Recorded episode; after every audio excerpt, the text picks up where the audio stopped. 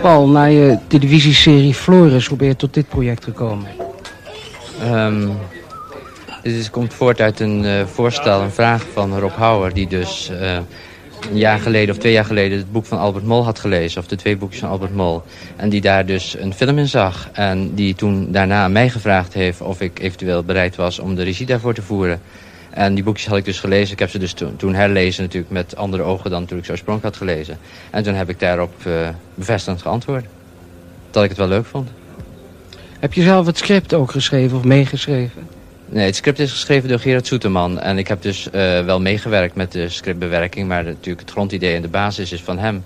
En in mijn uh, werk bestaat wat betreft het scenario voornamelijk toch uit het uh, meer visueel maken eigenlijk van de scènes die hij geschreven had. Zo het boeken van die heerlijke typetjes. zijn allemaal korte verhalen.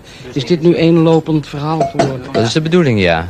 De relatie tussen Greet en Nel is vanaf het begin established als een zeer warme menselijke relatie. En omdat Greet op een gegeven moment een vriend krijgt, Piet, Piet Reumer dus. Daardoor wordt haar van boven, Sylvia de Leur, wordt jaloers. En probeert dan ook een man aan de haak te slaan. Ze heeft wel een man, een pooier, maar dat is natuurlijk een rotrelatie. Ze wordt voortdurend geslagen en zo. En doordat ze jaloers wordt op Greet, die dus een mooie relatie heeft, een mooie liefde met een man eigenlijk, die haar niet als hoer ziet, maar gewoon als, als vrouw. Daardoor wil ze ook iets vinden. En dan gaat ze op zoek naar een eigen, eigen man. En dat lukte dus tenslotte. En op het moment dat zij die eigen man gevonden heeft, nou Bernard Droog, en ze vertrekt naar Eindhoven, op dat moment raakt Greet net haar man kwijt, haar Piet kwijt. En zit ze dus eigenlijk zonder vriendin en zonder, uh, zonder Piet. En dat is dus eigenlijk het eerste gedeelte van de film. En hoe dat dan verder afgerond wordt, nou ja, dat lijkt dan wel in de bioscoop.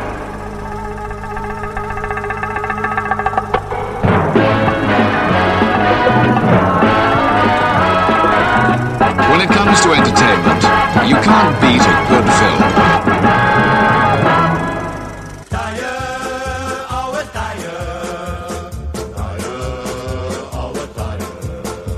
Er was eens een cowboy vol levensvrucht en vuur.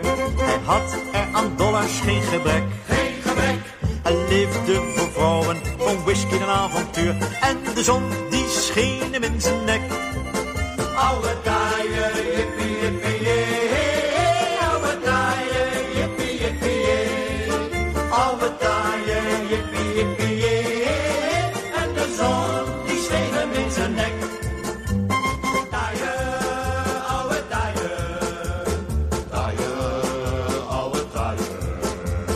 kwam er een meisje, dat bracht zijn hoofd op hol. Zij maakten zijn leven tot een hel. Tot een hel. Zij verbraste zijn centen en verkocht op laatste knol. En de cowboy belandde in de cel. Oude taaie,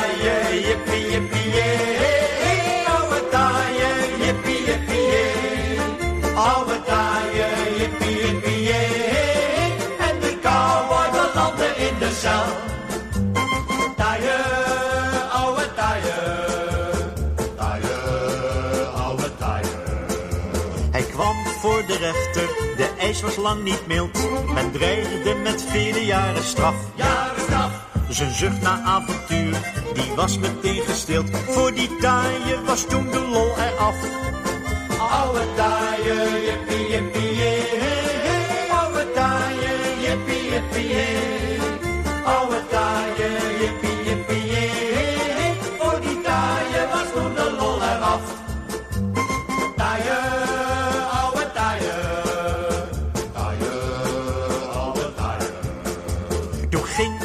Cowboy terug weer naar zijn land. Hij was er zo arm als een mier. Als een mier. Hij ging naar zijn blokhut en maakte zich van kant. En nu is hij zo dood als een pier. Oude taaie, jippie, jippie,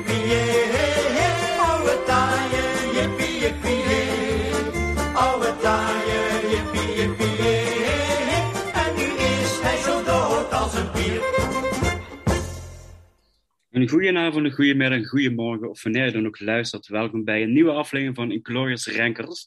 En we zijn er weer. Na een kleine vakantieperiode, moet ik toch wel zeggen, zijn we weer uh, fris en fruitig aan de opname begonnen. En vandaag gaan we het, uh, ja, toch wel, een, vind ik zelf, een bijzondere podcast opnemen. Omdat we wel een van de Nederlands grootste regisseurs gaan bespreken. De enige echte Paul Verhoeven. En Yes. uh, ja, welkom Vincent. Ja, Eh, dankjewel, we zijn er weer. Ja, we zijn er Dus, weer. eh, Ja. ja, lekker.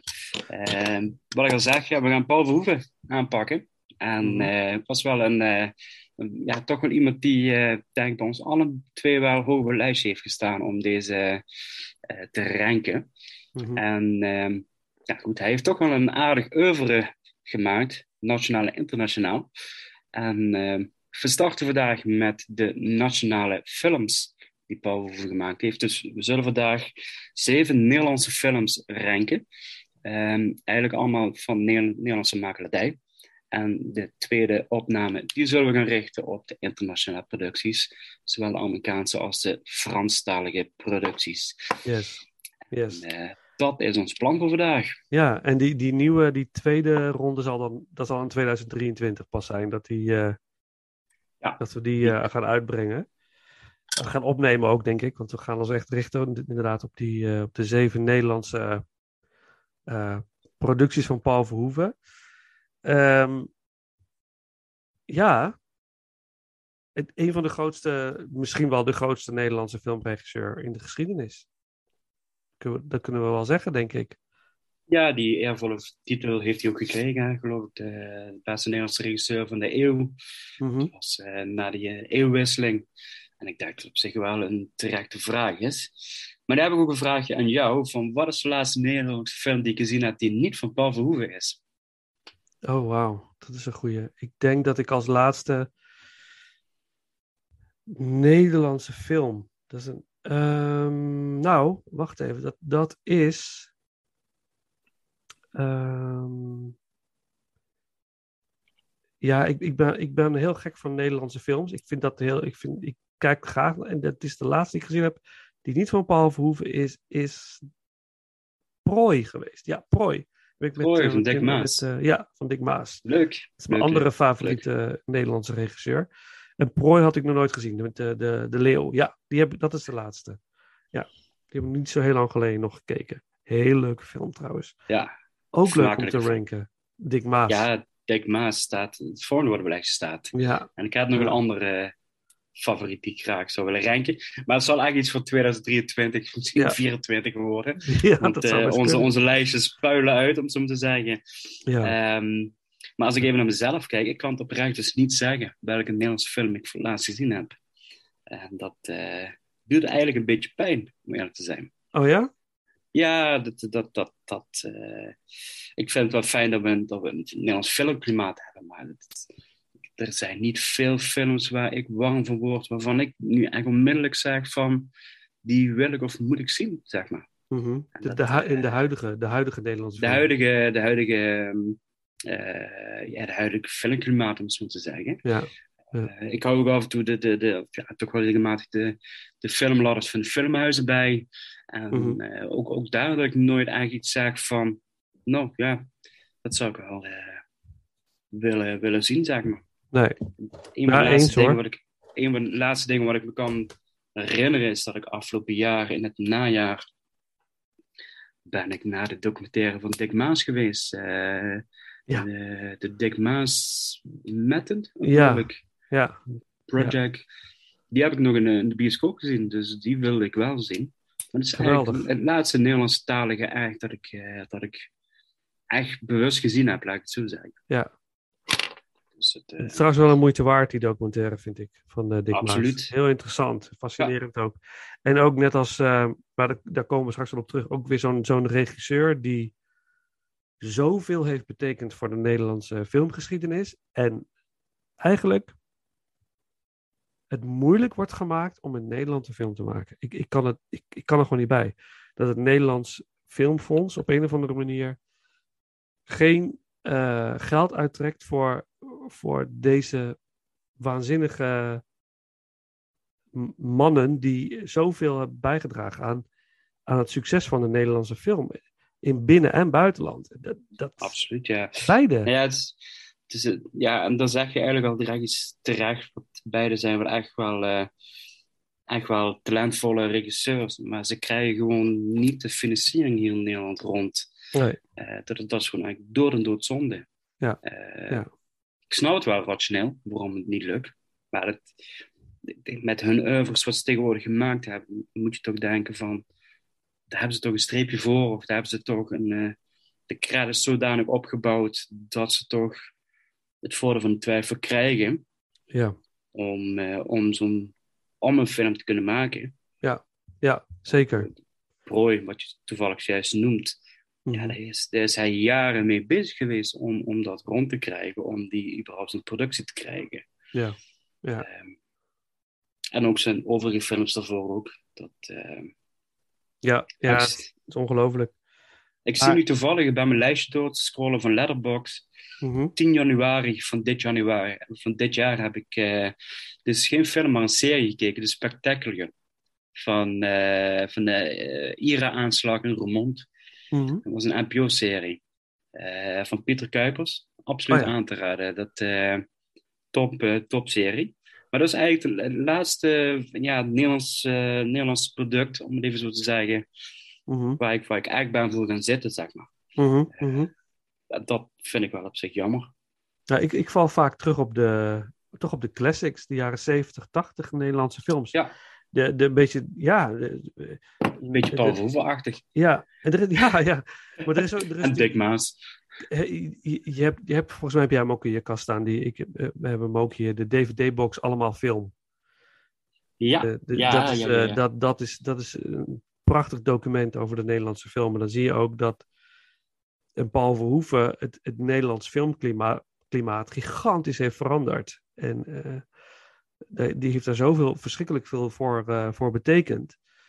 Ehm, een aanrader, als, als je dat ergens kan luisteren, als je dat ergens kan vinden, de, de DVD-box Allemaal Film.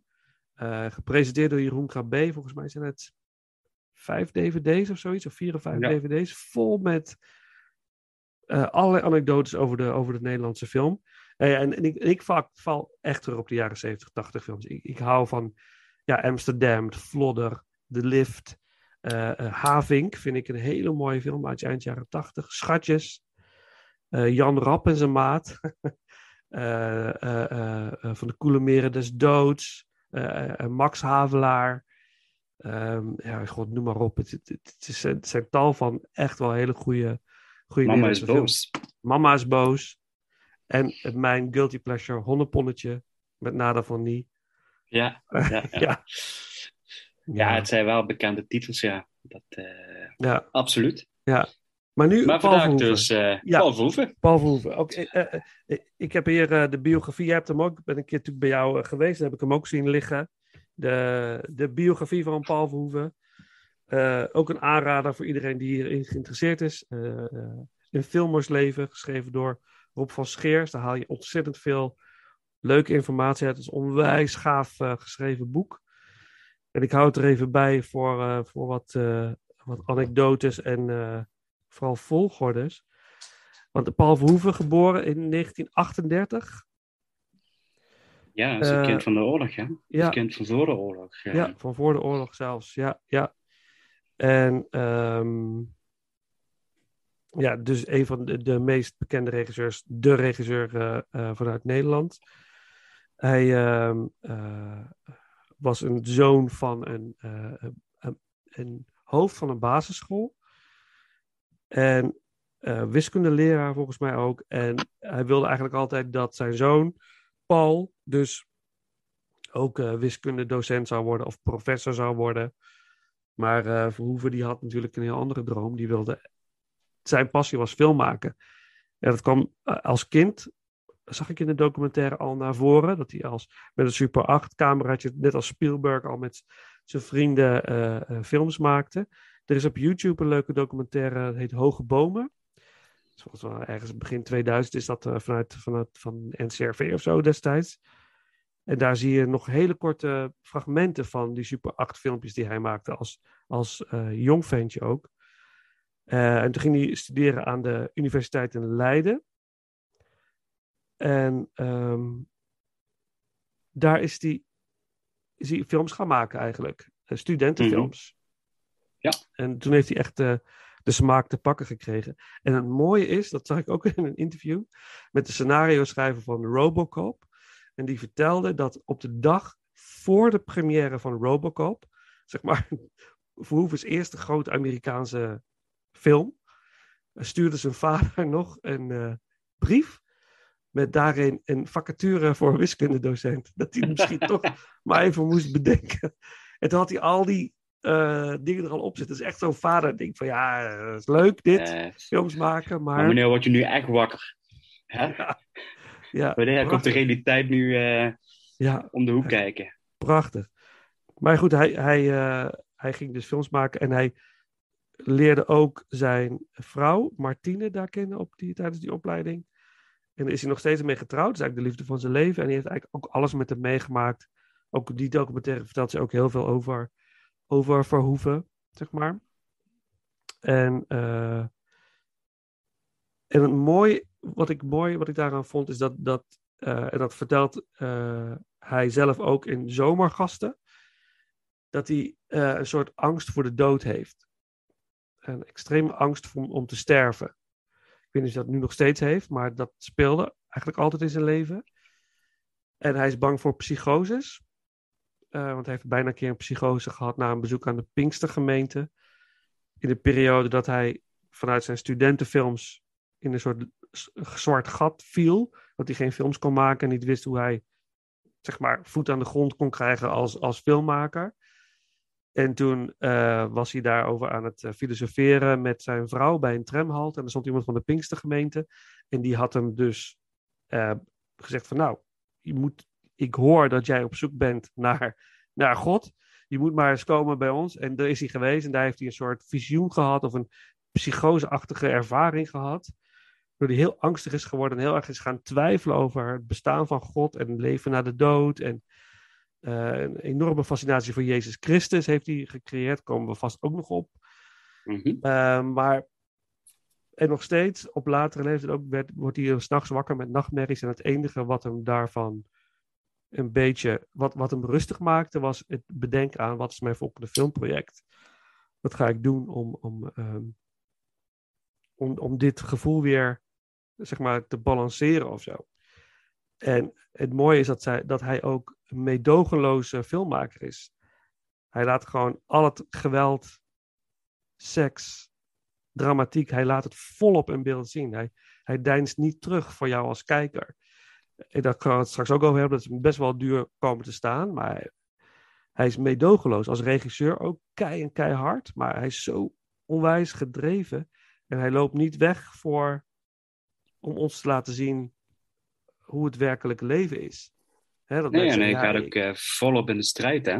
Ja. Dus eh, wat je ook vaker eh, bij oude fragmenten ziet, als hij zijn films verdedigt, en met name, nou ja, goed, ook de Amerikaanse producties ook wel, natuurlijk, eh, maar de Nederlandse producties ook, en daar gaan we ook zeker wel gaandeweg, komt het sprake. mhm. Ehm, ja, hij is daar nooit voor weggelopen. En heeft ook altijd met, ja, met enige trots altijd die, die, ja, die onrust ontarmd, zeg maar. Hij, ehm, ehm, alsof, alsof het wel zoiets was van, ik heb liever dat mensen over mijn films praten. Dus het kwaadschiks, maar er wordt wel over mijn films gepraat en hij is onder de aandacht. Ja. Dan een film maken die niet niks doet en ja, sterven een stille dood, zeg maar. Ja, ja. Eh, dat, dat vind ik wel een, ja, best wel mooi eh, om te zien, zeg maar. Zeker. En, en ook het feit dat als mensen dan zeggen: ja, ja, er zit te veel seks in je films, het is te expliciet. Of het is te gewelddadig. En dan zei hij altijd: van ja, maar dat is eh, wat het leven is. Dat gebeurt. Ja. Ja. Eh, Dus Ja. wat zit je nou moeilijk te doen? Je dat, ja, en dat is provoceren voor een deel. Maar Het is waarheid, maar ook provocatie. En dat maakt, maakt hem interessant. Hey, maar als, we gaan de studentenfilms niet ranken. Mhm. Maar zullen we ze eh, even, even kort eh, langslopen? Is dat een idee? Ja, zeker. Ja, Ja? zeker. Nou, de, de, de echte, ja, de grote films die ook in de bioscoop zijn uitgebracht van Paul Verhoeven. Eh, de eerste was in 1971, Wat zie ik? De tweede film uit 1973, Turks fruit. In 1975 kwam Keertje Tippel in de bioscopen. 1977, Soldaat van Oranje.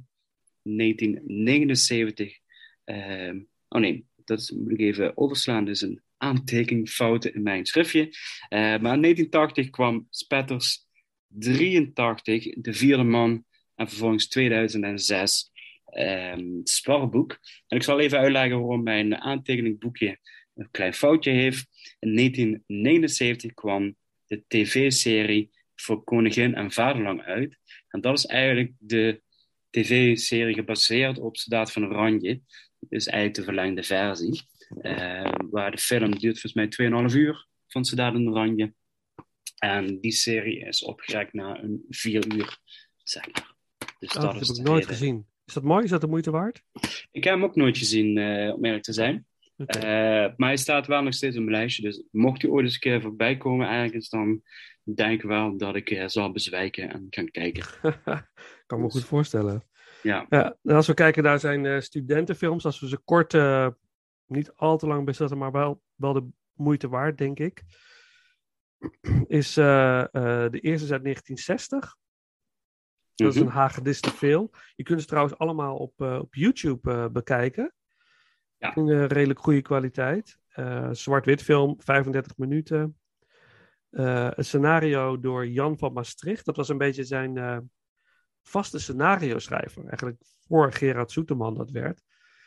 Eh, en Jan van Maastricht heeft, eh, als ik het goed zeg, uiteindelijk zelfmoord gepleegd. Wat ook behoorlijke impact heeft gehad op zijn leven. Ehm, maar dat schijnt een hele ehm, eh, heftige invloed te zijn geweest voor hem ook. Als scenario schrijver, maar ook- als acteur. Want Jan van Maastricht is had best wel een, een, een, een charismatische uitstraling. Het had eigenlijk, als hij nog had geleefd, was het misschien wel Rutger Hauer geweest in zijn films. Ik kan zo over na te denken. Misschien waren zij wel verder samen opgetrokken. Maar heeft zo niet mogen zijn. Hagedis te veel. Ja, ik vind het wel een interessante eerste studentenfilm. Ik vond het wel een fascinerend eh, gegeven. Eh, zeker gaan kijken, dan heb je niets bijzonders. Uit 1961. Dat vond ik persoonlijk. Dus een kort, van, kort film van negen minuten. Die vond ik, vond ik heel erg gaaf. Het gaat eigenlijk gewoon over een man die een Night on the Town heeft. En ehm, hij vertelt in de voice-over over dat hij een vriendin heeft. Maar eigenlijk is hij ook op vrouwenjacht terwijl hij de kroeg in gaat, zeg maar. Ja, het is een heel, het is een heel aparte film, maar het is, heel fascinerend, vind ik. Ik vond niets bijzonders. Heel cool. Dan krijg je The Lifters uit 1962. Ook een hele leuke film. Dat geeft een heel mooi tijdsbeeld. Het, het liften in die tijd. Het, zonder enig gevaar. het is allemaal... Het maakt allemaal niet uit. Het is allemaal heerlijk. Heel, heel, heel onschuldig allemaal. Dan volgens mij zijn, zijn bekendste studentenfilm, Feest.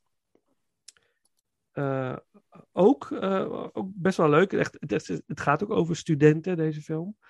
Over een feest op, op, eh, op de universiteit. En en het, de, de, de ontluikende liefde tussen twee, tussen een jongen en een meisje.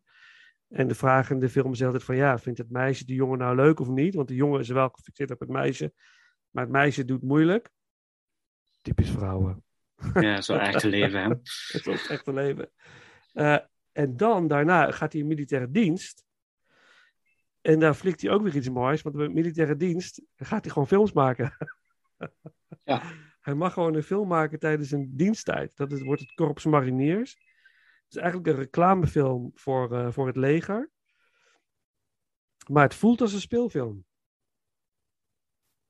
Nou, wat, ik, wat, ik, wat ik zie is eigenlijk, en wat me eigenlijk opvalt, is dat die, al deze kleine films best goed scoren op IMDb. Mhm. Eh, allemaal, ja, toch een voldoende. Ja, Ja, als zijn goede films.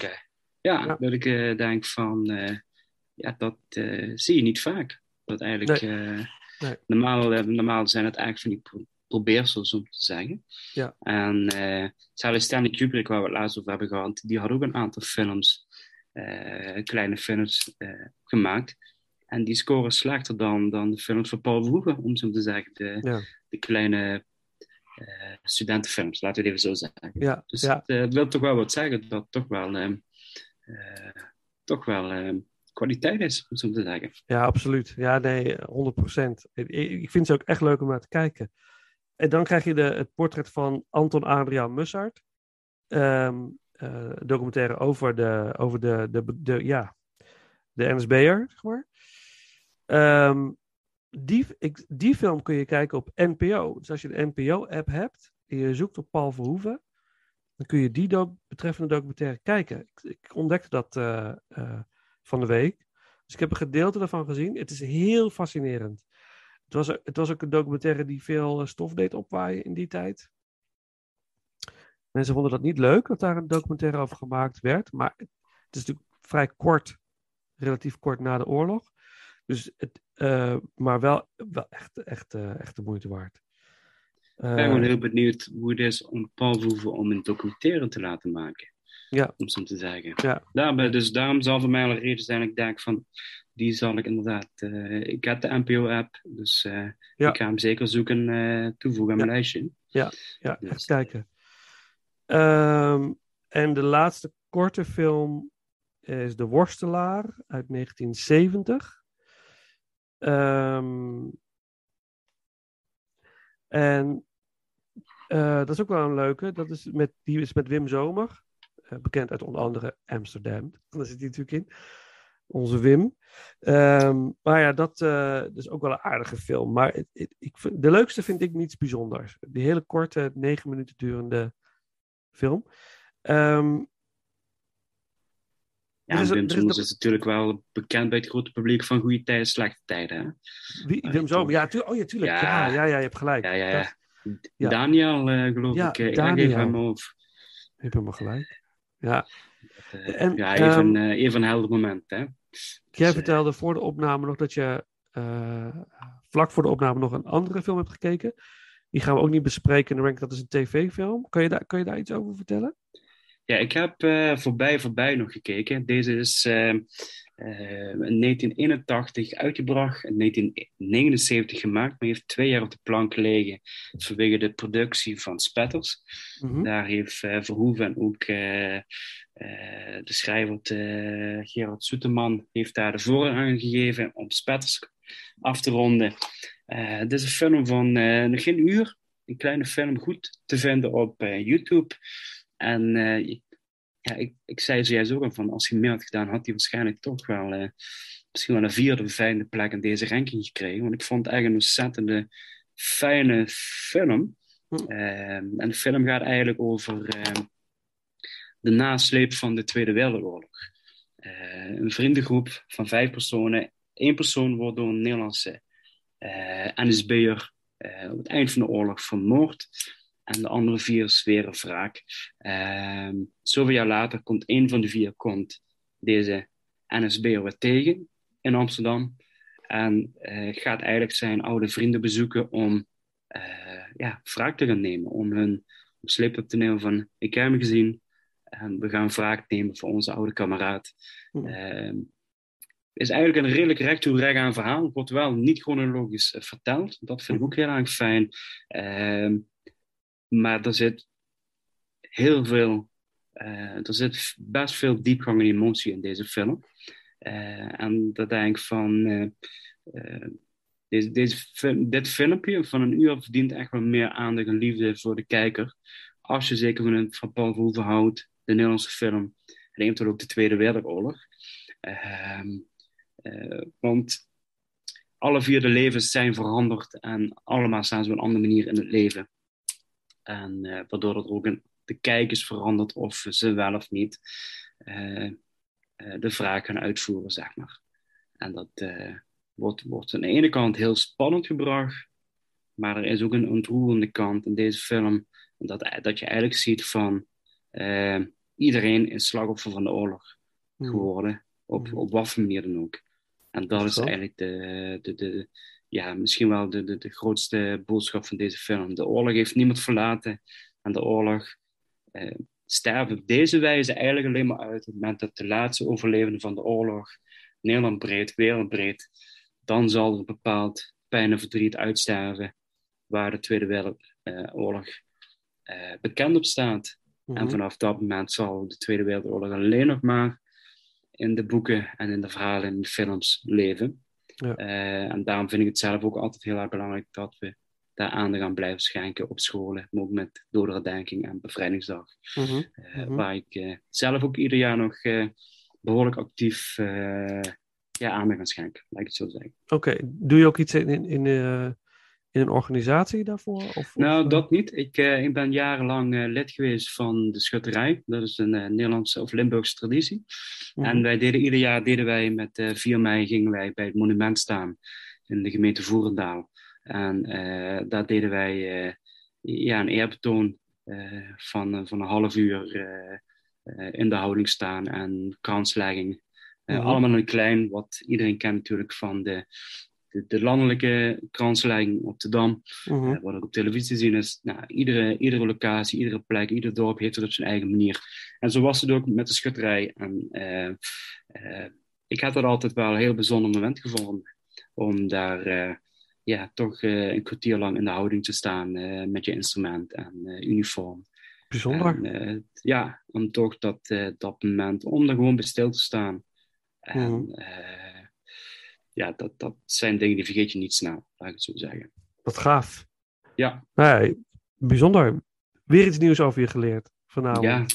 ik blijf, ik blijf zo'n verrassende persoonlijkheid. ik, ik wil nog één ding eh, eh, eh, even belichten voordat we aan de definitieve ranking starten. Doen we ook even een stukje muziek voor en dan knallen we hem erin de ranking. Maar we moeten even Floris benoemen.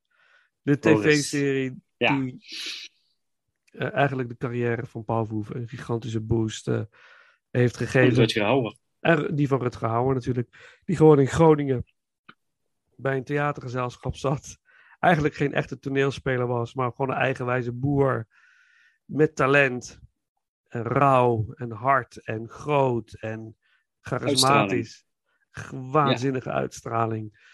En die vervolgens eh, Amerikaans-achtige taferelen eh, tegemoet ging met Paul Verhoeven tijdens de opnames van eh, Floris. Waar ze alles uit de kast hebben gehaald om, om er iets van te maken. En het is een van de meest succesvolle tv-series uit het Nederlandse tv-geschiedenis. En ik weet dat mijn schoonvader vaak op zondagmiddag nog een aflevering kijkt van Floris. Ja, prachtig. hij, ja, dan gaat hij weer aan en dan... eh, eh, vooral de jonge, jongste kinderen denken, ja, wat, wat is dit nou weer voor flauwekul? Maar het, ik snap voor die generatie... En ik vind het ook echt nog wel heel leuk om naar te kijken. Het knullige ervan, maar ook het, het waanzinnige voor die tijd, voor Nederlandse begrippen, is natuurlijk waanzinnig. eh.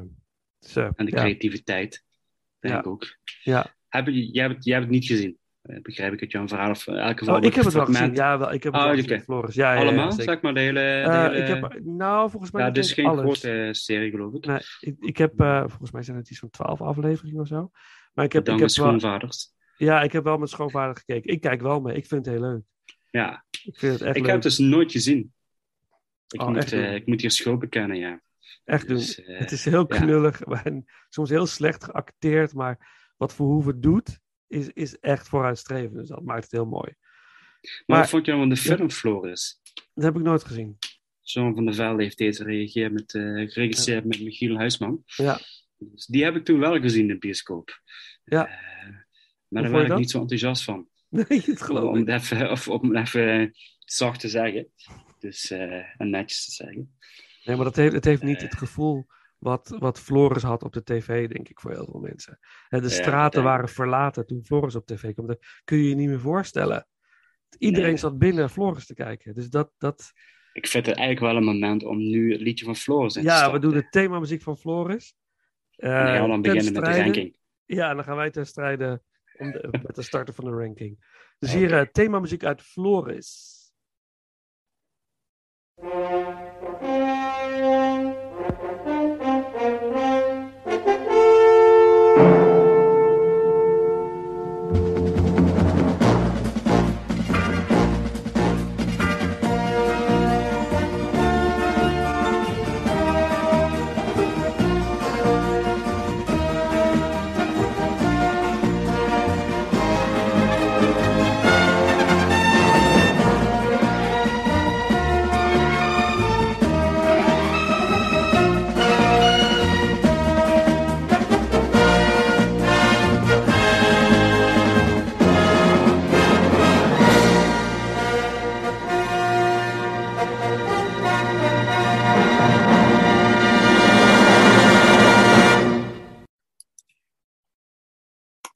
Dat was muziek uit Floris eh, van de Nederlandse dirigent Jan Stoekaart.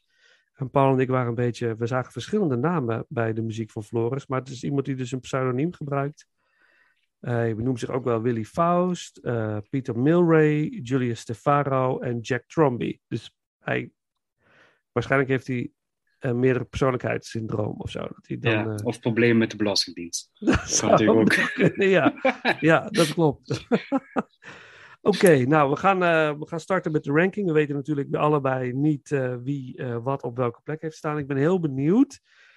Ehm, Tromgeroffel. van, ja, ik, was, ik, ik had een bepaalde film op nummer 1 verwacht, maar dat is het niet geworden. Dus ik ben, ik ben heel, ik voor mezelf heel verrast door de uitkomst. Ehm, ehm, ja, Wie gaat beginnen? wie gaat er Dat beginnen? Eh, zal ik hem gewoon eh, een keer starten? Vol- volgens mij was jij de vorige keer. eh, Kan heel goed kloppen. Is dus goed. dat eh, doe ik nu. eh, doe ik hem nu. Ehm, ja, dan zitten we bij de nummer 7. En het zou zomaar kunnen dat die, eh, dat die gelijk is. Ja, Dat kan. Dat zou kunnen. Eh, mijn eh, nummer 7 is eh, Wat zie ik? is niet mijn nummer 7. Is niet jouw nummer 7? Nee, is niet mijn Oh, nummer wauw. 7. Oh, dat, dat, dat is een verrassing voor mij. Ja, oké, oké. Nou, wat zie ik? Dat is de eerste, de eerste eh, eh, bioscoopfilm van eh, Paul Verhoeven. Eh, 1971. En die Mhm. film heeft... eh, is een, na Floris is een eerste bioscoopfilm een enorm succes geworden. Wat men niet had verwacht, gebeurde eigenlijk. Want het, het werd een beetje. eh, hij ging het, het boek. Het is gebaseerd op een boek van Albert Mol. En het boek gaat eigenlijk. Het gaat over een prostituee. Die eh, eigenlijk in het boek vertelt over haar ervaringen. met haar klanten. Die allerlei bizarre verzoeken hebben. waar zij aan voldoet. En dat maakt haar een uniek figuur op de wallen. Waardoor zij. Ja, zij blinkt daarin uit.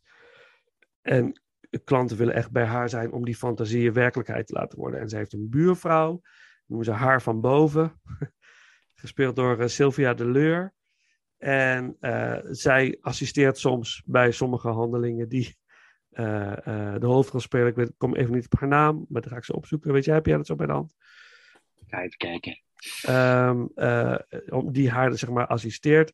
En zij heeft nogal een gewelddadige vriend, dus daar gebeurt ook van alles. En zij neemt eigenlijk eh, eh, het karakter van haar van boven een, beetje onder haar, onder haar hoede.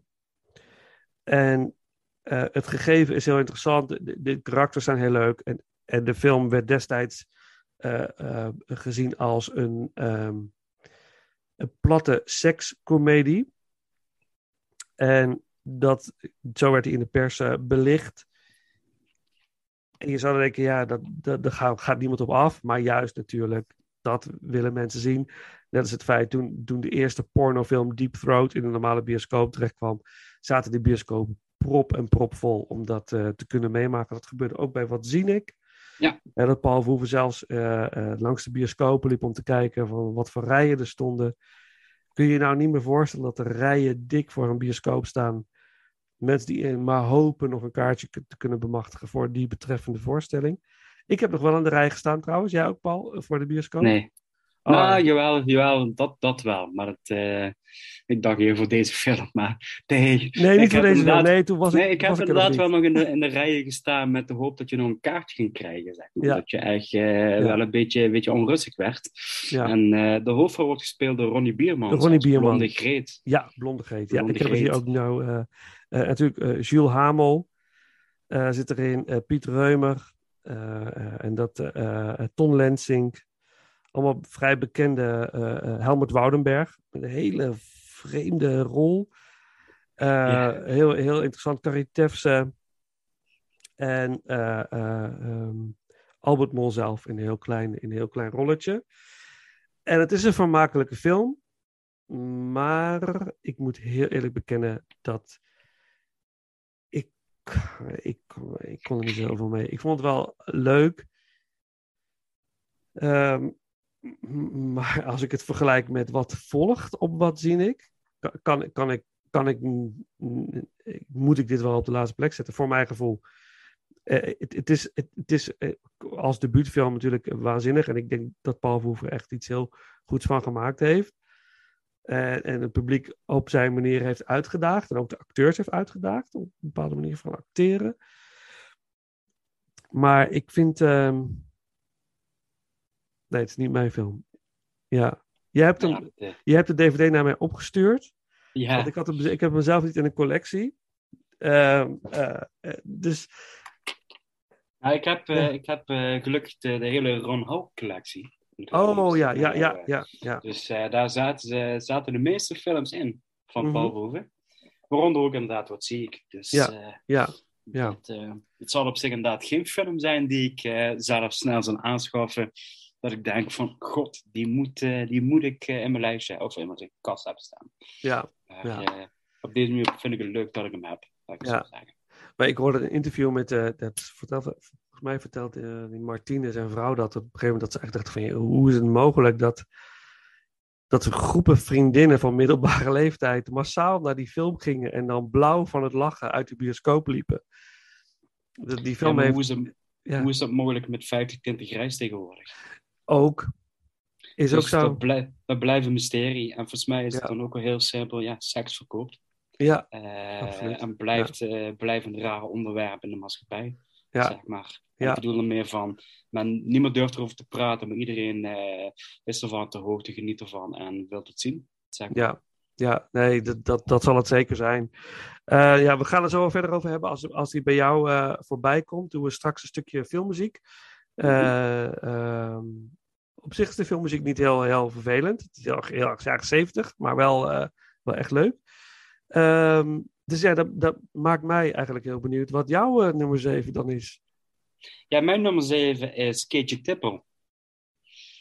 En dat heeft eigenlijk een, eigenlijk de hele eenvoudige reden dat het voor mij de film is die mij het minste aansprak van de zeven Nederlandse films.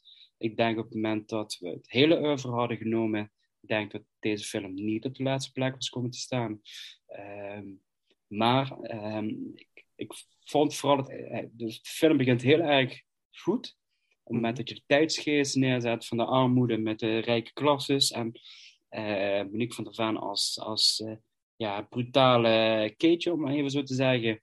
En ehm, ja, halverwege verliest de film mij zich. Of verlies, verlies ik of de film, ik verlies me in de film. Mhm. Eh, dat is ook geen goed Nederlands. Nee, de, de film pakt me niet meer na een half uur Ja, zo moet ik zeggen, of halverwege. En ehm, dat is voor mij de reden waarom die eh, vanuit de laatste plek is komen te staan. Ik, Ja. ik had er gewoon geen, eh, eigenlijk wat jij een beetje hebt met wat zie ik, het doet me Mhm. niks. Terwijl op zich Kitje Tippel is op zich wel een, een- heeft ook wel een bepaalde klassieke status Ja. eh, als Nederlandse film. Ehm, maar ik, ik, ik, had, ik, ja, ik kon er heel moeilijk mee, eh, mee verbinden, zeg maar. Ja, Keesje Tippels is uit 1975. Ook weer Rob Hauer natuurlijk, producent. Heeft hij veel mee eh, samengewerkt in de, in de eerste jaren. Camerawerk van Jan de Bond. Mhm. En ook was volgens mij Gerard dat- Soeterman, hè? Dat was ook bij Wat Zie ik trouwens. Jan de Bond was daar natuurlijk ook al van de partij. Gerard Soeterman scenario. Ja. Gebaseerd op eh, memoires van Neil, Dorre, Neil Doff.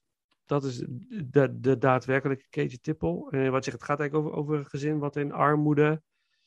Vanaf het Ja, dat is wel een waar gebeurd verhaal inderdaad. Ja, Dat, eh, ja. dat wel. En dat was wel ook een van de weinige aspecten wat ik dan wel weer eh, bijzonder vond, om zo te zeggen. Ja. Eh, maar het- ja, het, het begon sterk met, met, met die tijdsgeest neerzetten, met de armoede, met de rijke klasse, met, met de, de fabrieksleven, met het harde werken, met haar oudere zus, die komt al in de wereld van de prostitutie, prostitutie terecht. Ja. En Keetje Tippel wordt eigenlijk daar een beetje in meegesleurd. Ja. Ehm, en, en ja, ja, groeit in die wereld, om zo te zeggen. Ja, ja, en komt al inderdaad een welgestelde heer, eh, gespeeld door Rutger Hauer, eh, tegen. Ja. Dus, dus het, het- het paar uit Turks fruit komt weer bij elkaar en zij krijgen een... eh, zij, zij wordt verliefd op hem, hij verliefd op haar, maar in de wereld van het grote geld blijkt het toch allemaal toch weer om het geld te draaien. Dat is wel heel eh, fascinerend. Niet zozeer om de liefde, maar toch weer om de, om de centen. Ja, ik, ja, ja, ja. Nou, ik- bij mij staat hij iets, iets hoger in de, in de ranking. Maar eh, Ja, daar moeten we straks maar, maar wat verder over hebben dan. Maar het, het is wel... Het is wel een film die ook wel controversieel was, ook weer. Eigenlijk, Ja. alle films tot aan Soldaat van Oranje... In de eerste, zijn eerste drie bioscoopfilms zijn best wel controversiële films... die best wel eh, wat eh, teweeg eh, brachten bij het, bij het publiek. Ik heb het gevoel dat ze allemaal wel op een of andere manier eh stampij hebben gebouwd, alle films. Ja, eigenlijk wel, hè? Ja, Ja, dat is wel zo. maar ja. dat, dat, dat vind ik wel leuk weer met, Ja, ja. met Paul Verhoeven. En zijn Amerikaanse films eigenlijk ook. Ja, ja. Hij heeft nooit stilgezeten, dat kunnen we concluderen. En zijn laatste film ook. Benedetta Ja, heeft ook weer wat losgemaakt. Wat ik trouwens is- ook een, een prachtige film eh, vind. eh. Ja. By the way, erg, erg goed. Eh, ja, Keetje Tippel. Oké, Mijn nummer 7. jouw nummer 7. Komen we er straks op terug. Ehm, zullen we ook de muziek voor straks bewaren van Keetje Tippel? Ja? prima. Oké. Dan gaan we. mijn nummer 6. Oké, mijn, nummer mijn nummer 6 zal wel een. eh, ja, ik weet niet. Het zou zomaar jouw nummer 1 kunnen zijn. Maar dat hebben we wel vaker. Ja, precies. Ehm, mijn nummer 6 is Zwart Boek. Of Black Book. Ehm, de film uit 2006. De terugkeer van Paul Verhoeven eh, naar Nederland. Naar zijn Amerikaanse avontuur. Daarna is hij natuurlijk Franse films gaan maken. Naar Zwart Boek. Ehm, ja, ik, ik weet dat heel veel mensen Zwart Boek eh, fantastisch vinden. En het is het ook. Het is een hele goede, goede film. Eh, met eh, waanzinnig goed gemaakt. Eh, mooi geacteerd. Carice van Houten, Alina Rijn, Tom Hofman. in een mooie, mooie rol. Eh, maar er was één, bijvoorbeeld één figuur in die film die me. Daar, kon, daar denk ik echt, ja, ga maar, stop maar. Dat is Johnny de Mol. Ja, oh. Verschrikkelijk. Echt, echt verschrikkelijk. Gewoon, ja, sorry Johnny, Johnny Ja. de Mol, als je luistert. Dan, je, je weet het maar nooit, maar dan spijt het me dat ik het moet zeggen. Maar ik, ik, ik, ik, geloof, ik geloofde het niet, wat hij, wat hij deed. Op een gegeven moment, eh, er is een scène dat hij, dat, hij zit bij het verzet, hè, Johnny de Mol. Ja. Eh, en ehm het is van de Tweede. Wereldoorlog, voor de mensen die het niet weten. Het is de Tweede Wereldoorlog. En uh, Chris van Hout is van Joodse afkomst en, en eh, sluit zich aan bij het verzet. En doet allerlei spionageachtige zaken moeten verrichten. Eh, en eh, komt echt in het hol van de leeuw terecht. Echt eh, eh, binnen de, de nazi-hoofdkantoor. En krijgt een relatie met een nazi. Wat op zich heel spannend is. Moet ik echt bij vermelden. Het is echt heel knap gedaan. En eh, het is geen slechte film, beste mensen. Dat even vooropgesteld. Maar op een gegeven moment moet Johnny de Mol, die best wel een beetje schuchter is en verlegen karakter binnen dat verzet, uiteindelijk schiet hij iemand neer. Hij overwint dat, of gaat een soort van per ongeluk zelfs. En eh, de, zijn reactie daarop, hij schrikt daarvan dat hij dat doet. En dat doet hem verdriet, maar ik, ik moest gewoon lachen. Ik denk, oh, stop alsjeblieft. Het is, ik, ik geloof niet dat jij daar nu zo verschrikkelijk mee zit. Het, het was zo gespeeld. Dat vond ik jammer. En dat, haal- dat haalde mij dan heel erg uit de film. Eh, en de hele subplot van eh, dat, dat Tom Hofman, de verzetsleider, uiteindelijk toch een, eh een slechterik, Ja, een verrader is. ja, verrader is. Op zich, als je het voor het eerst ziet, vond ik het wel, is het wel verrassend. Eh, maar ja, het, deed me niet zoveel als de rest. Daar komt het eigenlijk op neer. En, en Carice van Hout is fantastisch. We hebben als, als opening ehm, van deze aflevering eh, nummer gedraaid Oude Taaien door Eddie Christiani. Die zit eh, eh, ergens op de achtergrond in de film. En ehm, we zullen de, zo dadelijk een stukje muziek doen uit het Zwartboek. En dan zullen we de track doen. ja, dat is mijn melodie. Door eh Mhm. Chris van Houten zelf eh, gezongen. Dat is, wel, dat, is dat is allemaal heel goed. En het ziet er fantastisch uit wat hij heeft kunnen doen in Nederland. Om dat, dat tijdsbeeld terug te halen. Dat, dat is echt. Het is een hele goede film. Het heeft, het heeft een Amerikaans-Nederlandse vibe. Ja, Ja, Ja. precies. Dat zeg je goed. Het is eigenlijk een Nederlandse film met Amerikaanse allure, om maar te zeggen. juist. Maar wat Ja. ik me dan afvraag, hè, je geeft zojuist terecht aan eh, Johnny de Eh, er is nog een ander moment waar ik eigenlijk dacht van, hier verpest je eigenlijk veel mee, om zo maar te zeggen. Mhm. Want dan denk ik toch van, je bent toch, potverdorie, Paul Verhoeven. Mhm. En je schopt die kerel toch van de set af. Eh, Ja. dan, dan heb je toch liever een, een, iemand van de toneelschool, een, een onbekend iemand die die rol neerzet en het gebeurt goed, om het zo te zeggen. Eh, dan dat je dit. wat, wat is dan. Ja, ik, ik, ik, ik, ik, ik herken het helemaal wat je zegt. Ik zat echt Ja. te denken van, hoe is dit mogelijk dat, dat dit gebeurt? Zonder daar weer allerlei dingen over na te denken en te speculeren over dingen. Mhm. Maar goed, dat ik denk van ja, we, dan, ja, dan denk ik wel van je bent Paul Verhoeven met jouw status, dat ik denk van Ja. voor mij doe je een persoonlijk de grag in, want de scène speelt zich bij een grag af. Ja, ja, ja. dat ik denk van, daar heb je toch de neiging om zelf, dat, dat één acteur die niet capabel is, die eigenlijk gewoon je scène verkloot, Ja. en daarmee eigenlijk gewoon misschien wel de film eh, ja, schade aanricht Ja. dat, dat vind ik eigenlijk dat ik denk van, ja, dat, eh, dat, dat, dat, ja, oh, daar had ik wel moeite mee. Ja. de andere scène, die zal ik dadelijk benoemen, maar dat Ja, is goed. bij mij het lijstje voor- voorbij. Ja. komt. Want eh, wa- wat ik dan. ehm, er, is, eh, er is toch een andere film met Schwarzenegger. Even, ik kom niet op de titel, maar dan speelt hij de vader van een meisje wat langzaam in een zombie verandert. Dat vind ik een waanzinnige acteerprestatie van Schwarzenegger. Maar de andere goede, Oh, Maggie. Maggie. Mooie acteerprestatie. Maar de andere voortreffelijke acteerprestatie is die van Total Recall, geregisseerd door Paul Verhoeven. Het is zo, hij is zo sterk daarin. Dus hij krijgt een, een Schwarzenegger tot op een topniveau door hem te pushen. En dat vertelt Schwarzenegger ook in interviews. Hij pusht je tot het uiterste. Hij, Mhm. hij, hij zorgt er gewoon voor dat jij of in een bepaalde staat raakt, waardoor jij dat voortreffelijk kan spelen. En dan, dan zie ik inderdaad zo'n Johnny de Mol. En denk ik, is het niet gelukt of moest hij erin van, van, eh, voor, voor het geld? Ja, daarom, daarom, ik zou zo kunnen. mijn handen vanaf, maar het, dat zat ik ook niet denken. Dat ik denk van, dit, dit, dit is echt... eh, Ja. Ik denk dat hier wel een bepaalde kruiwagentechniek eh mee gespeeld heeft. Laten het zo Dat, dat, dat moet haast wel. Dat is, dat is, en en eh, het is uit, hij, hij heeft wel de, volgens mij de duurste Nederlandse productie ooit Ja. hiermee gemaakt. Kijk, wat was het nou? Dacht zeven zoveel. Zeven, Zes- 16 miljoen. oh, oh, zelfs 16 miljoen. Oké. 16 miljoen. eh, ehm, ja. En, en het idee voor Zwartboek bestond al ten tijde van Soldaat van Oranje. Eh Soeterman en Verhoeven hadden dat idee al eerder. En dat, dat, dat geeft de film wel wat, eh, wat, wat extra body mee. Maar ja, voor, ik, ver- vergeleken met de rest wat nog komen gaat, is voor mij Zwartboek eh, de nummer, nummer 6. Oké. Dus een stukje muziek.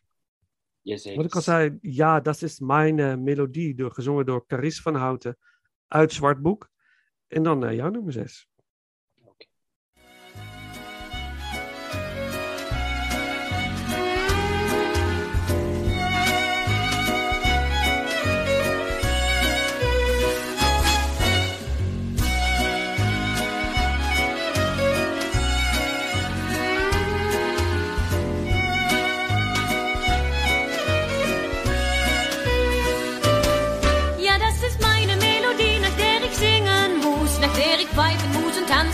springen muss, wie man meinen ersten Ton versteht, weil sie jedem in die Beine geht. Ja, das ist eine Melodie, die mich so selig macht. Wenn ich sie höre, hab ich immer an das Glück gedacht. Doch bitte sag, wie liebt ihr sie? Meine kleine Lieblingsmelodie. Manchmal, wenn mein Herz aus irgendeinem Grunde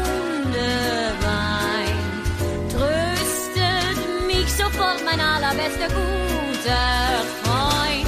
Und das ist meine Melodie, nach der ich singen muss, nach der ich pfeifen muss und tanzen muss und springen muss. Als die schönste Rhapsodie, Tiere, Liere, Lied, lieb ich meine kleine Melodie. Mich macht Musik ekstatisch, da werde ich fanatisch. Kinder, ich kann doch nichts dafür ja auch keine Sünde, wenn ich das herrlich finde. Wer mich versteht, der singt mit mir. Ja, das ist meine Melodie, nach der ich singen muss, nach der ich pfeifen muss und tanzen muss und springen muss, die man beim ersten Ton versteht, weil sie jedem in die Beine geht. Ja, das ist eine Melodie, die mich so selig macht. Wenn ich sie hören, hab ich immer an das Glück gedacht. Ach bitte sag, wie liebt ihr sie? Meine kleine Lieblingsmelodie. Manchmal, wenn mein Herz aus irgendeinem Grunde weint, tröstet mich sofort mein allerbester, guter Freund. Und das ist meine Melodie, nach der ich singen muss, nach der ich pfeifen muss springen muss. Mehr als die schönste Rhapsodie, Tiere, Liere, Lied, lieb ich meine kleine Melodie.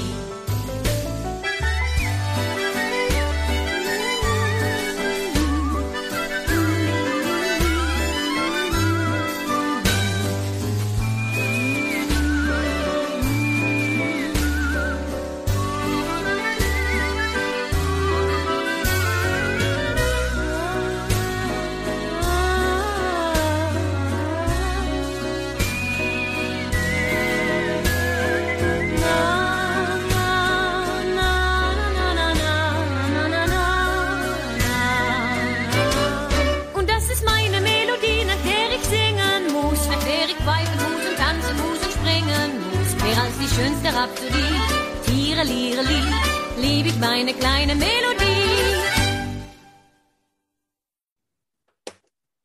Mijn nummer 6 is eh, Wat zie ik? We hebben ze juist even benoemd. Ehm, ik, ik sluit me eigenlijk aan bij hetgene wat je aangeeft. Het is, eh, het is de eerste film van Paul Verhoeven. Nou, het verhaal heb je ook al een beetje uitgelegd. Ehm in tegenstelling tot Kate Tipper, die ik op nummer 7 heb gezet, vond ik dit gewoon eigenlijk gewoon oprecht gewoon een leuke film. Hmm. Eh, ik heb gekeken en ik, eh hij duurt nog geen anderhalf uur. Maar ik heb wel met een bepaalde glimlach naar deze film te kijken. Naar bepaalde eh, plezier, knulligheid. ook, ook het eigen plat Amsterdams.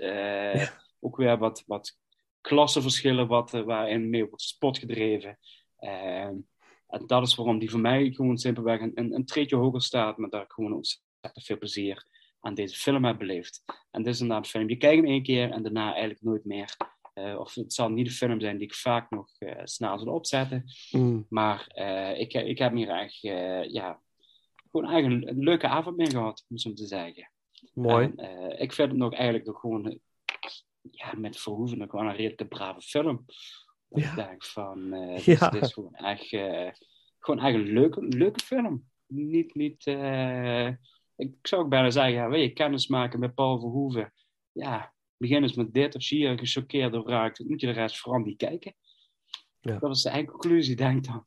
Ja, maar ze, ze wilden de film ook meer pornografisch maken. Maar dat werd eh, toen eh, tegengehouden. Maar is- het was een hele omstreden film. Maar als je hem nu kijkt, denk je, ja, er gebeurt eigenlijk nergens op. Er Nee, gebeurt niks. Seksueel gezien Nee. gebeurt er eigenlijk niks. Er is ook redelijk niks opwindings, opwindends aan deze film. Nee. om zo te zeggen. Dat, Nee. dat, dat, eh, ehm, dit, is, dit is vooral, je, je, ziet, je krijgt gewoon een hele leuke eh, kijk in deze wereld. Eh, dat, dat er inderdaad in dit geval mannen zijn die rare fantasieën hebben en dat graag willen laten, die er graag geld voor betalen om dit te laten Ja. werkelijkheid te worden. Ja, Dus, ja. ja behoorlijk bizarre fantasieën komen er, ja, komen er voorbij. Ja, en ik, weet, ik, kan me zo voorstellen dat Paul Verhoeven wel iets meer erotisch gelaten dingen erin wilde hebben. Maar dat hebben ze, dat, dat werd niet toegelaten. ik dit denk dat het helemaal niet nodig is. Ik denk dat het helemaal niet nodig is voor deze film. Nee. Ik denk dat het gewoon echt prima is hoe het nu gegaan is. En Het het is heeft heel- zich geloond, want eh, de mensen zijn samen naar de bioscoop gegaan. Ja, het is een charmante film. Er is een heel leuk, op YouTube kun je een heel leuk eh, behind the scenes eh, stukje vinden van Wat zie ik. Met eh, niemand minder eh, dan Simon van Kolm als eh, interviewer. Ken je Simon van Kolm? Zeg me even helemaal niks. Oh het is in de jaren 80. Hij, volgens mij is hij in 89 overleden. Hij, hij, Simon van Kolm had het programma Simon Scope in de jaren 70, jaren 80. En dat was het filmprogramma op televisie. Daar keek iedere week kwam dat voorbij. En dat besprak die films die gingen komen. Dan was hij echt op filmsets. Dus wat zie ik? Amsterdam, Vlodder. Maar hij was ook op de set van Indiana Jones en the Temple of Doom. En hij was, eh, had interviews met Roger Moore, met Timothy Dalton, Clint Eastwood. En dat kwam gewoon op televisie. Dus dat was, dat was, dat was je enige. eh, wat je nu allemaal op YouTube. waarmee je doodgegooid wordt, als het ware, met trailers, anekdotes. Alles. eh, eh, dan moest je echt wachten.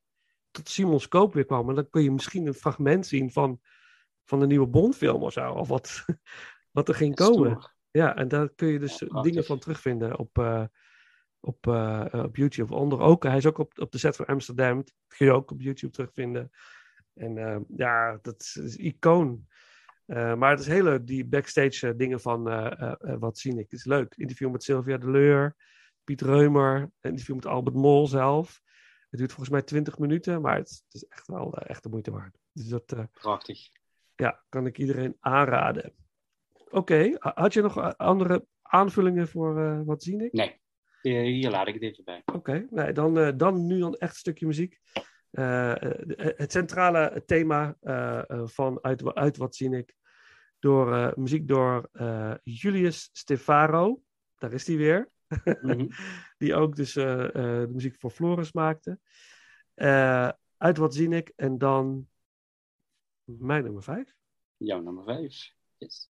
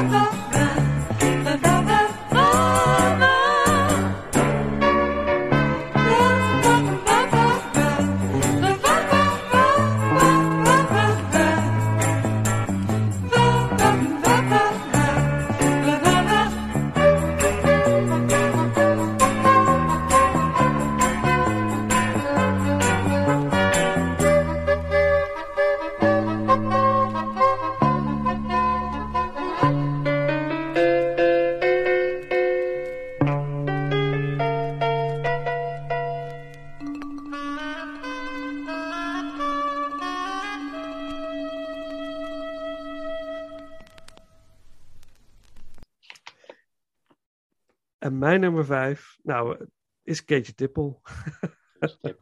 Een skeertje weer. Ja, ja eh, ik heb die op, eh, een paar weken terug eh, op een zondagavond zitten kijken. Samen met, met Lisa, mijn, mijn vrouw. Zaten wij te kijken en wij vonden het allebei een hele leuke film. Het is, het is heel, ik vond het heel boeiend. Vooral het- wat je zegt, dat de, de, de setting die Verhoeven creëert van het oude Nederland. Van, de, van e- eind 1800. En het boerengezin wat naar de stad reist om meer geld te verdienen, maar dan in een of andere krot terecht komt waar ze moeten wonen. Wat je ook niet meer kan voorstellen. Ik heb, eh, bij de, had het aan het begin van de aflevering over, we komen terug van een vakantieperiode. Je merkt daar niks van als luisteraar, omdat we vaak vooruit werken. Maar ik heb dus drie weken met vier kinderen in huis is gewoon heel druk en heel chaotisch. En, maar we hebben hier nog allerlei kamers. Maar, maar in die film... sloten. Ja, ja. maar in, in die film zat iedereen in, ja, in één ruimte. Ja. Ze zitten allemaal in één ruimte. En, en dat. Ik, zit ook even, ik word er bijna misselijk van. Dan zitten ze bloemkool te eten aan tafel. En ondertussen gaat een van de dochters, die moet werken als prostituee, die moet nog even poepen. En die gaat gewoon zitten poepen naast de eettafel. Ja. Ja. Terwijl die, ik, dat is ik ook de geur van bloemkool en dan die geur. En dat, hoe bestaat het? Hoe, hoe snel kunnen tijden veranderen? Hoe luxe hebben we het nu? Het is ongelooflijk. En, en dat, dat de eerste nacht dat ze in dat krot zitten, dat het heel hard gaat regenen en het hele, het hele huis onder water staat. En ze hebben ook een hondje meegenomen Ja. van, het, van het schip. En dat hondje is gewoon verzopen, omdat het water te hoog stond. En dat hebben ze gewoon helemaal niet in de gaten gehad. Maar Dus- dat, ja, dat, dat is wel de enige scène waar ik, waar ik wel eigenlijk een beetje eh, onpasselijk van werd. Ehm, eh, omdat normaal ook een gouden regel is dat honden overleven het altijd. om zo Ja. te zeggen in films. Niet bij Paul Eh. Niet bij Paul Verhoeven. maar ook gewoon van eh, de, de jongste kinderen van de staal zijn ook de hele tijd bezig. Ja, waar, waar is de hond? Ik ben even de naam kwijt. Laat hem even zeggen, waar is Flip? Ja, Flip. En een van die auto's, ja, hier is hij. En die tilt Ja. gewoon uit het water op van, oh, ik heb Flip gevonden. Ja, Echt totaal geen medeleven of totaal van, laten we het subtiel aanpakken van, of misschien zeggen hij is weggelopen, maar als de kinderen weg zijn, gaan we het hondje stiekem begraven of zo. Nee, gewoon hier. Hè, en je ziet gewoon een, ja, een dode hond eh Ja. gehouden worden, wat op Ja. zich wel een goede puppet is, om zo te zeggen, of een goede pop. Maar dat, was wel echt dat ik dacht van, oké, eh, hoezo kinderen hartjes worden gebroken en trauma's worden gecreëerd. Bam. Dus Ja. Ja. heel bijzonder. ja precies. Maar dat, dat leven had geen waarde. Het was niet belangrijk. Veel belangrijker was om werk, geld en eten. Da daar draaide het. En, daarom wat ik ik vond dat, dat vond ik ook mooi, dat gedeelte hoe die tijdsgeest wordt neergezet. En dat allemaal in allemaal kleine dingen, inderdaad, qua eten, qua, qua eh, de, de, woning die blank komt te staan, eh vieze kleding, eh, wel geen kleding, keuzes die moesten gemaakt worden. Ja. Ehm, de dochter die als prostituee op pad was, die kreeg meer te eten, want die moest, meer, want die moest het geld binnenhalen. Dus Ja. allemaal voor dat soort ja, re- dingetjes, regeltjes. Eh, ook hoe ouders eh, zich eh, begeven in het milieu en hoe ze eigenlijk wel van de kinderen houden, maar ook ja, soms heb je ook een vraagteken bij van ja, je bent je kind ook gewoon eigenlijk aan het verkopen op een bepaalde manier. Ja, ja. Want eh, er wordt gezegd, ja, voor die kindjes heb ik wel een plek ergens. Ja. Ehm, Of dat kleine, kleine kinderen in bepaalde hokjes worden meegenomen in de film. Ja, oh ja, ja, loopt- ja, ook loopt- weer zo. loopt- ja, Ja, loopt allemaal goed af, mensen. Dat, geen paniek. Ja. Maar er wordt heel veel, er wordt echt wel veel verteld in die scènes. Ja. Ehm, dus en dat vind ik wel mooi aan deze film. Ehm, maar de, de verhaalontwikkelingen en hetgene wat met Keetje Tip te maken heeft, dat vind ik zelf wat minder. Ja. Soms, nee. Nou, ik, ik, ik, vond, ik, vond dat, ik vond eigenlijk alles interessant, maar ook die, die, die ruwe kant van de mens, die eigenlijk nog steeds geldt. Het is nog steeds zo. Ja, ja. Het is, Ja, nog, ja. Het is gewoon weer die, waar we het ook in de Kubrick-ranking eh, eh, over hadden, is de, de, de, de, de meedogenloze, harde, nasty kant die mensen die wij kunnen hebben in bepaalde situaties. Maakt die film ook confronterend en eng. Ehm, en het is een, het is van lang geleden. Hè, maar we zijn niet zo heel veel veranderd eigenlijk in, in die tijd. Hè. We, zijn, we zijn wel dan echt En de verpakking is veranderd. De verpakking, ja, precies dat. Ja, Allemaal is nou, mooier dat. geworden, maar in de kern zitten nog wel steeds eh, bepaalde waarden en Ja. bepaalde hardheden zitten nog steeds in de maatschappij verborgen. Ja, ja, ja. En Nou ja. daarom denk ik wel dat deze film ook wel op dat gebied wel een bepaald tijdloos beeld neerzet. En dat Ja. hebben meerdere eh, films van Verhoeven, dat ze echt wel wat, wat tijdloos hebben, ondanks dat ze wel in een bepaalde tijdsperiode afspeelt. Maar het valt wel heel goed te reflecteren en te vergelijken met eh, andere tijdsperiodes. Ja, En eens. met name de Amerikaanse films vind ik er wel een aantal heel sterke punten in hebben. Eh, hele sterke voorbeelden hebben. Kom Ja. ook zeker TCT op terug. Eh, Ja. Maar het is wel eh, dat ik denk van, zo gek is het nog niet wat Verhoeven daar laat zien. Nee. Zo onrealistisch of zo eh, bizar. Zoals we, waar we eigenlijk nu een beetje om lachen, is toch wel redelijk eh, realistisch in de kern. Ja, absoluut. En eh, ook weer een controversiële film. Ook. ehm, de, er- het is best wel een heftige opnameperiode geweest, ook, begreep ik. Dat. er waren wat oneenigheden over het, over het script. Eh, maar wat heel veel spanning teweegbracht, was de relatie tussen Jan de Bond en Monique van der Ven. Die hadden een, een romantische relatie.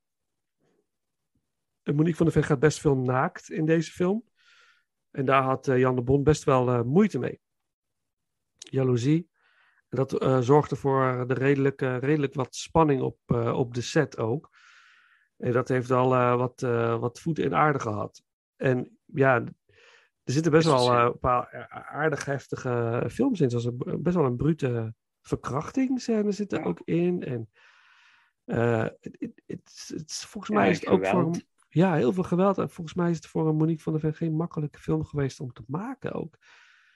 Om dit, eh, nee, om je ik zo... denk eh, dat dit een zwaardere film is geweest dan Turks Fruit die ze ervoor denk ik gemaakt heeft. Ja. En volgens mij is het ook een van de laatste samenwerkingen toen geweest tussen eh, Paul Verhoeven en Jan de Bond. Als ik even zo het rijtje Ja. eh, doorkijk. Deed die soldaat nog niet? Soldaat van Oranje? Nee, dat is eigenlijk van Jos eh, Vulcano. Als ik Oh ja, zo Volcano, ja. Ja, Ja, een Duitse cameraman. ja. Dus dat, eh, dat was de film die daarop volgde. Maar Ja. toen was Jan de Bond al vertrokken, om het even zo te zeggen. Ja. Nee, dat is, je helemaal gelijk. God, ja, dat is ook zo. Nou, moet je nagaan. Moet je nagaan. weer zo'n vrouw, hè? Nee, is gekkerheid, mag ik niet zeggen. maar ik zie dat hij teruggekomen is voor eh, De Vierde Man Oh ja, en Ja. Oké. Dat, Ja. dat zijn eigenlijk eh, de enige Ja. films die Jan de Bond nog daarna gemaakt heeft met Paul Verhoeven. Als ik even heel snel door zijn oeuvre scroll. Mhm. Maar hij was ook verantwoordelijk en volgens mij tegelijkertijd heeft hij eh 1971, oh nee, is- eh, Blue Movie is Jan de Bond ook betrokken bij geweest. Oh, echt waar? Bij Blue Movie? Bij Blue Movie. Oh, dat is ook zo'n heerlijke, foute Nederlandse film. Blue Movie. Ja. Want hij heeft niet de productie gedaan van eh, Wat zie ik als cameraman tenminste. Niet? Ik dacht dat ik dat zag Hmm. staan. In het boek. Maar misschien dat ik eh, ook Ja, ja. Ik zie in de, in de, de biografie zie ik staan dat het Jan de Bond is. Bij Wat zie ik. dan, eh, dan ga ik ervan uit dat, eh, dat het gewoon klopt. Ja. Eenvoudig is het. Ehm, stukje muziek hem- uit Keetje? Ja. zullen we dat doen? En dan eh, door naar, eh, naar jouw nummer vijf. Eh, waar Rempel zou dat een zwart boek zijn. Ehm, uit Keetje Tippel. Eh, Rogier van Otterlo, eh, de componist. Mooie soundtrack. Ik vind het echt een mooie soundtrack. Oh ja, de film eindigt ook heel plotseling. Ja, dat klopt. Dat vond, en, en dat vond ik jammer. En dat was voor mij het teken dat ik, dat ik echt in zat. Ik, oh nee, het is afgelopen. Ik, ah, ik had echt, ik had, nu had ik nog graag willen zien wat er, wat er nog ging, gebeuren. Maar ja, misschien moet ik dan maar het, het boek lezen van Neil Dolf of zo een keer. Maar ehm thema muziek door Regier van Otterlo uit Keetje Tippel. En dan jouw nummer vijf. Vijf.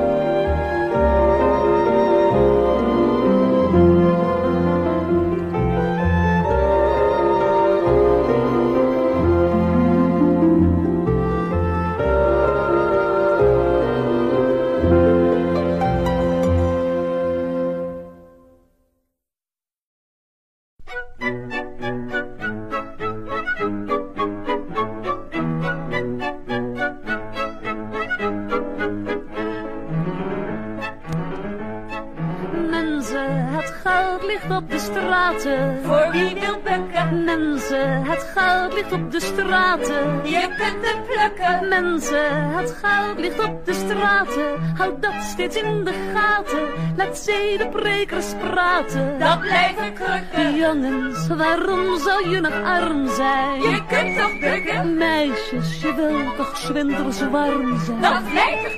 Alles wat mooi is in het leven, kan geld alleen je geven. En wie dat na wil streven, Die bukt maar even. Koper, goud of zilver, goud, papiergeld. Alles stelt, het geeft niks, zolang als het maar geld is. Daar gaat het om. Geld maakt, wordt vaak gezegd. Al wat krom is, keurig recht. Leven de poen als het zonder moet doen, dan wordt alles wat recht is, juist krom.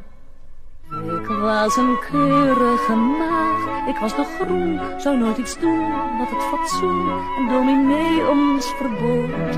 Die zei tot mij dag na dag, bewaar je deugd die God verheugt, hij schenkt je vreugd, zij het dan wel na je dood.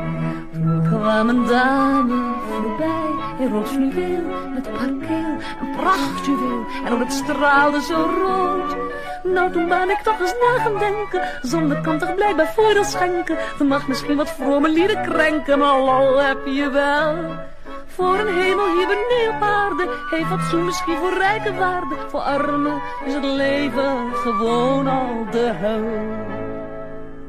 Ik ging toen op het slechte pad en sindsdien heb ik het goed gehad. En heb, dat deed me innig goed, dominee daar vaak ontmoet.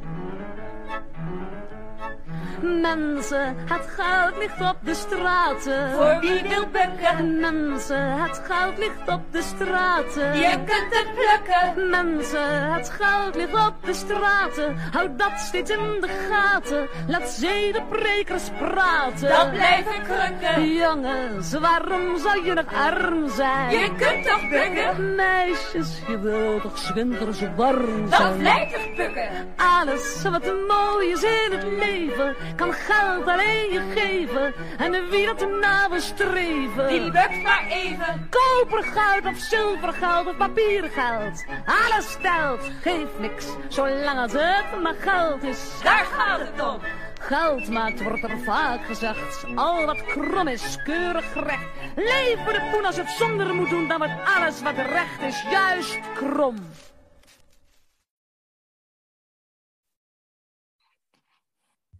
Ja. Mijn nummer vijf is inderdaad een beetje vooruitziende blik voor jou. Zwartboek.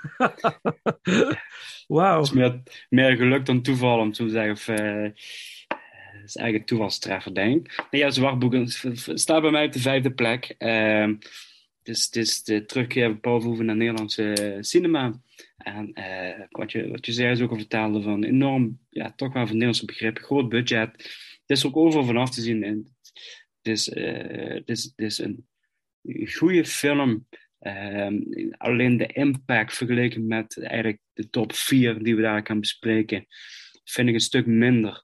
Ehm, en eh, ik vind hem niet helemaal, zeg je dat, eh, vlekkeloos, deze film. Er zitten wat dingetjes in waarvan ik denk van, nou, daar zitten wel wat gaten in het, in script en, en, en ook wel wat dingetjes die toevallig zijn, om even zo te zeggen. Eh, aan de andere kant zitten er ook wel weer hele creatieve dingen in.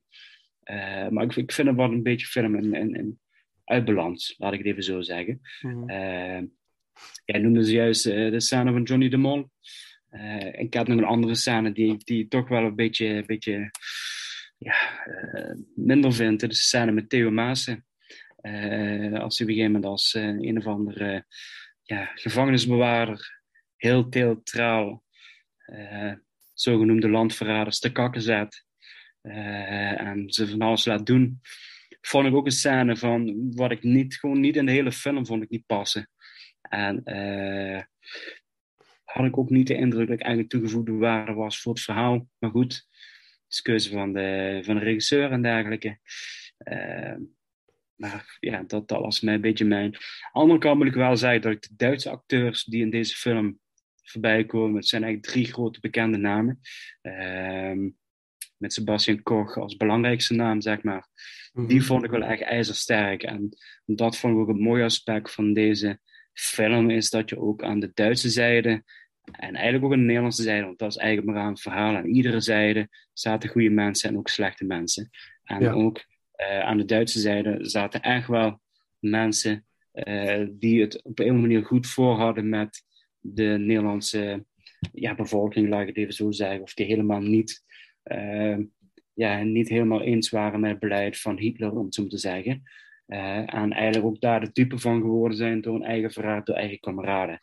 Dus wat, wat op Nederland, de Nederlandse kant plaatsvindt, vond ik op de Duitse zijde plaats. En daar zit ook wel best wel wat verdrietige scènes in, om zo te zeggen. Best wel eh, aangrijpende scènes. En een van de mooiste scènes vond ik eigenlijk, en dat klinkt een beetje gek misschien, maar vond ik eigenlijk de laatste scène met, met Chris Verhouten als ze in Israël eh, met haar man en kinderen woont eh, aan de grens van een oorlogsgebied. Natuurlijk een Midden-Oosten conflict en dergelijke. En als Joods, Joodse vrouw ja, besluit ze eigenlijk om de oorlog te ontarmen, want ze kan de oorlog niet ontvluchten, want ze is iedereen kwijtgeraakt in de Tweede Wereldoorlog en gaat eh het Midden-Oosten helpen en is eh, ja, zuster, werkt in de, in, in, de, in de zorg en in het onderwijs, onderwijs voor, eh, voor vluchtelingen. Ja. Eh, dat, dat vond ik eigenlijk wel een hele mooie. Het deed me ook een beetje bij denken, en ik weet niet of dat bewust en zo is, maar een beetje aan Schindler's List, waar ook de film eindigt in het, bij het graf van Oskar Schindler. Eh, ook, dat Ja. had ook wel een behoorlijke emotionele lading, laat ik het zo zeggen. Ja. Maar of dat bewust is, weet ik niet. Maar ik vond het wel een, een mooie, eh, mooi passend einde voor dit karakter, om zo te zeggen. Ja, eens. Ehm, Ja. dus, het, eh, dus vandaar aan Zwartboek eh mijn nummer vijf. Ja, mooi. Ja, dat is inderdaad, dat is inderdaad dit heeft een heel mooi einde. Daar ben, ik- ben ik zeker mee eens. En het einde van Schindler's List, dat is dan toch ineens in het kleur ook. De hele film met zwart-wit. En dat, Ja, laatste- is in het kleuren en op het einde komen eigenlijk alle overlevenden en Ja. familieleden van Ja. een steentje leggen op het graf van Schindler. ja, Ehm, en ja, goed, en laat er maar een speelberg over om dat vooral heel emotioneel in beeld te brengen. ja, Ja, dat, dat kun je me oprapen. Ja, dat ja, zijn, het is een van de weinige films en scènes waarvan ik, eh, waar ik eh, zwaar ook nodig heb, laat ik het zo zeggen. ja. Iedere keer weer.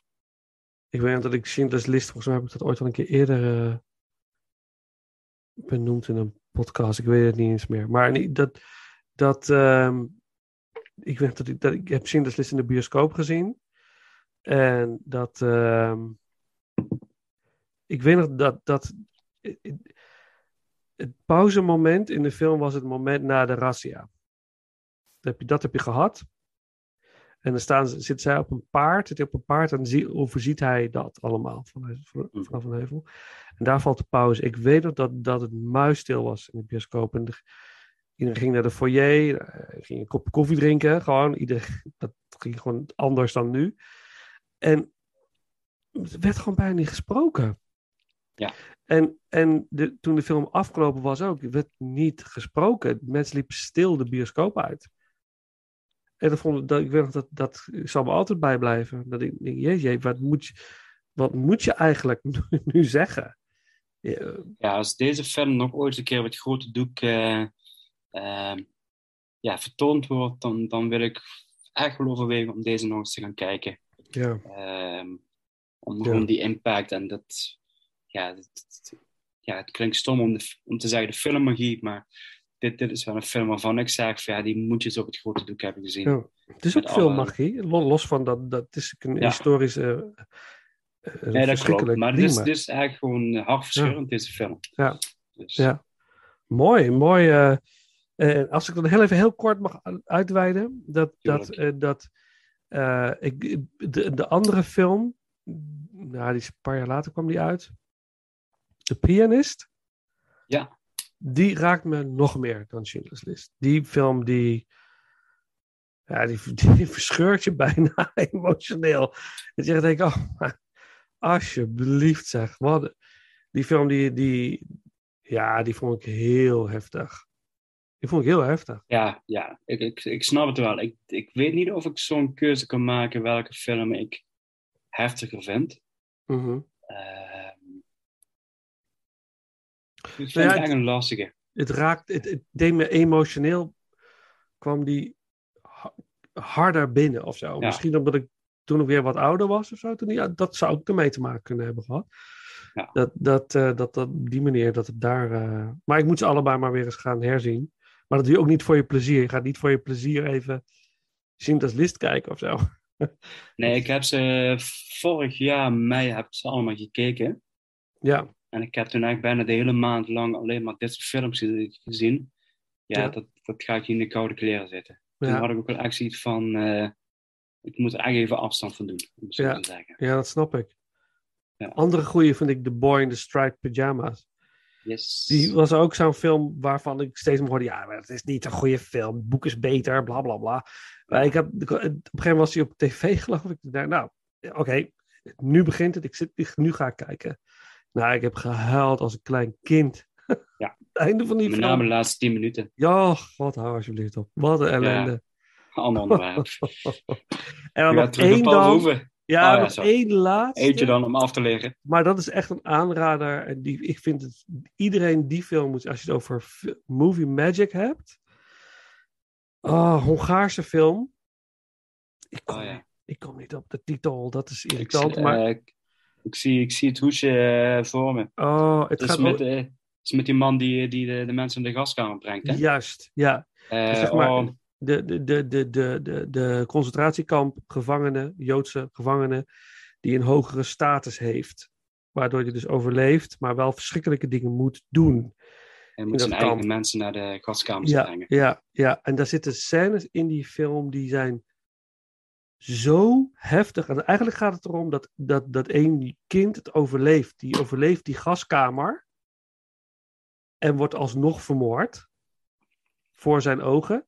En dat raakt hem zo erg dat hij er alles aan doet om dat kind een eh, soort van eh, respectvolle begrafenis te geven. Dat hij dat kind respectvol kan begraven.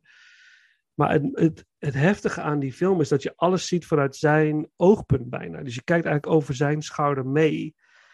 En je hebt scènes in dat je dingen hoort op, aan de zijkant. Je, ziet, eh, je weet dat er alles om hem heen gebeurt. De meest verschrikkelijke dingen. En hij, je ziet het niet, maar hij kijkt ook niet. Hij blokkeert zichzelf ook. Hij kan er niet naar kijken de hele tijd, want dan wordt hij knettergek. Hij moet overleven. En dat, die film, die film eh, was, is een meesterwerk, vind ik. Dat, dat, dat, dat ja, is bijna, het is bijna niet te doen om, om, hem, om hem te zien. Eh, ik, ga hem, ik ga hem ook niet eh, heel snel nog een keer kijken, maar ik vond die kijkervaring. eh, ja, ja, ja, dat vind ik heel Ik, knap. zie, ik zie hem niet, ik zie hem niet Ja, voorbij komen. ik- Ik ben intussen aan het googelen, maar ik zie, ik zie de poster zo voor me. En ik, Ja. ik voel bijna een, een ranking aankomen, want Ja. ik zie hier allemaal films staan waar, waar, ik, waar, ik, waar ik echt eh, iets... iets oh. Ik ga hem ook even. Ik, ondertussen mensen hebben zoeken. Ja, mensen moeten dit even vinden, want anders, anders blijf, Ja. blijft dit knagen. Ja, Eh, hij heeft volgens mij ook een Oscar gewonnen voor beste buitenlandse film. Eh staat me iets van bij. Maar ik snap niet dat hij... Ehm. Normaal als ik intyp, ja, Tweede Wereldoorlog films, ik zag hem altijd... Hij komt altijd in de lijstjes voorbij van beste ja. films die je gezien moet Ik heb hebben. hem, ik heb hem, ik heb hem, ik heb hem, ik heb hem. Eh, Son of Saul. Ja, Son of Saul. Ja, Ik Son zat de hele tijd Saul. inderdaad met Soul in mijn gedachten. Ja. Ja, Son of Son Saul. of. Ja, mensen, ik ga dat, ga dat ervaren. Eh, doe dat. En misschien is het mooi om, om het te kijken, inderdaad. Rond 4 mei. ja, rond die tijd dat je zo'n film eh, de kans geeft. Maar goed, we hadden het over, over Zwartboek. Eh, jouw nummer vijf. Eh, dus we, gaan, we hebben eigenlijk. De films zijn gelijk, maar de posities zijn net een beetje anders. Precies. Ja, ja, ja. Dus onze top 4 ben ik leuk. niet wat dat gaat worden. Maar dan wil ik eigenlijk deze aflevering, als jij het goed vindt, ook eh, afronden bij deze. Jazeker. En dan eh, gaan we doen we de, voor de tweede aflevering onze top 4. En dan eh, we- willen we afsluiten met een nummer van de groep Kajak. Kajak, Kajak. die de muziek heeft gemaakt voor de film Spetters. En dat nummer is een van de bekendste melodieën uit Spetters. Heet Lost, Lost Blue of Chartres. En daar sluiten we mee af. En eh nou Paul, dan rest ons niks anders. Nee, nee, natuurlijk, voordat we dat doen. ehm, ehm, als je ons wil steunen, dat kan. We hebben Ja, een Patreon-pagina. dus eh, patreon.com slash ingloriousrankers. En daar plaatsen we allerlei exclusieve content op. En volgens mij, als deze aflevering is uitgekomen, dan zitten we volgens mij al op de Oh, de drie, vierde uitzending. drie of vier eh Patreon-afleveringen. Ja, dus dat, eh, dat is echt eh, superleuk. En er komt nog veel meer aan. Dus we, we zijn van alles van plan. En we kunnen de steun goed gebruiken. Ehm, eh, we blijven natuurlijk gewoon reguliere afleveringen maken. Maar een beetje steun is natuurlijk hartstikke fijn. Dus ook voor de mensen die ons al steunen, super bedankt. Ehm, eh, ja, en natuurlijk deel je Paul Verhoeven ranking met ons. Dat mag ook zomaar. Kost niks. Zeker weten. Ehm, nou, dan zou ik zeggen bedankt voor het luisteren en eh, tot de volgende ronde.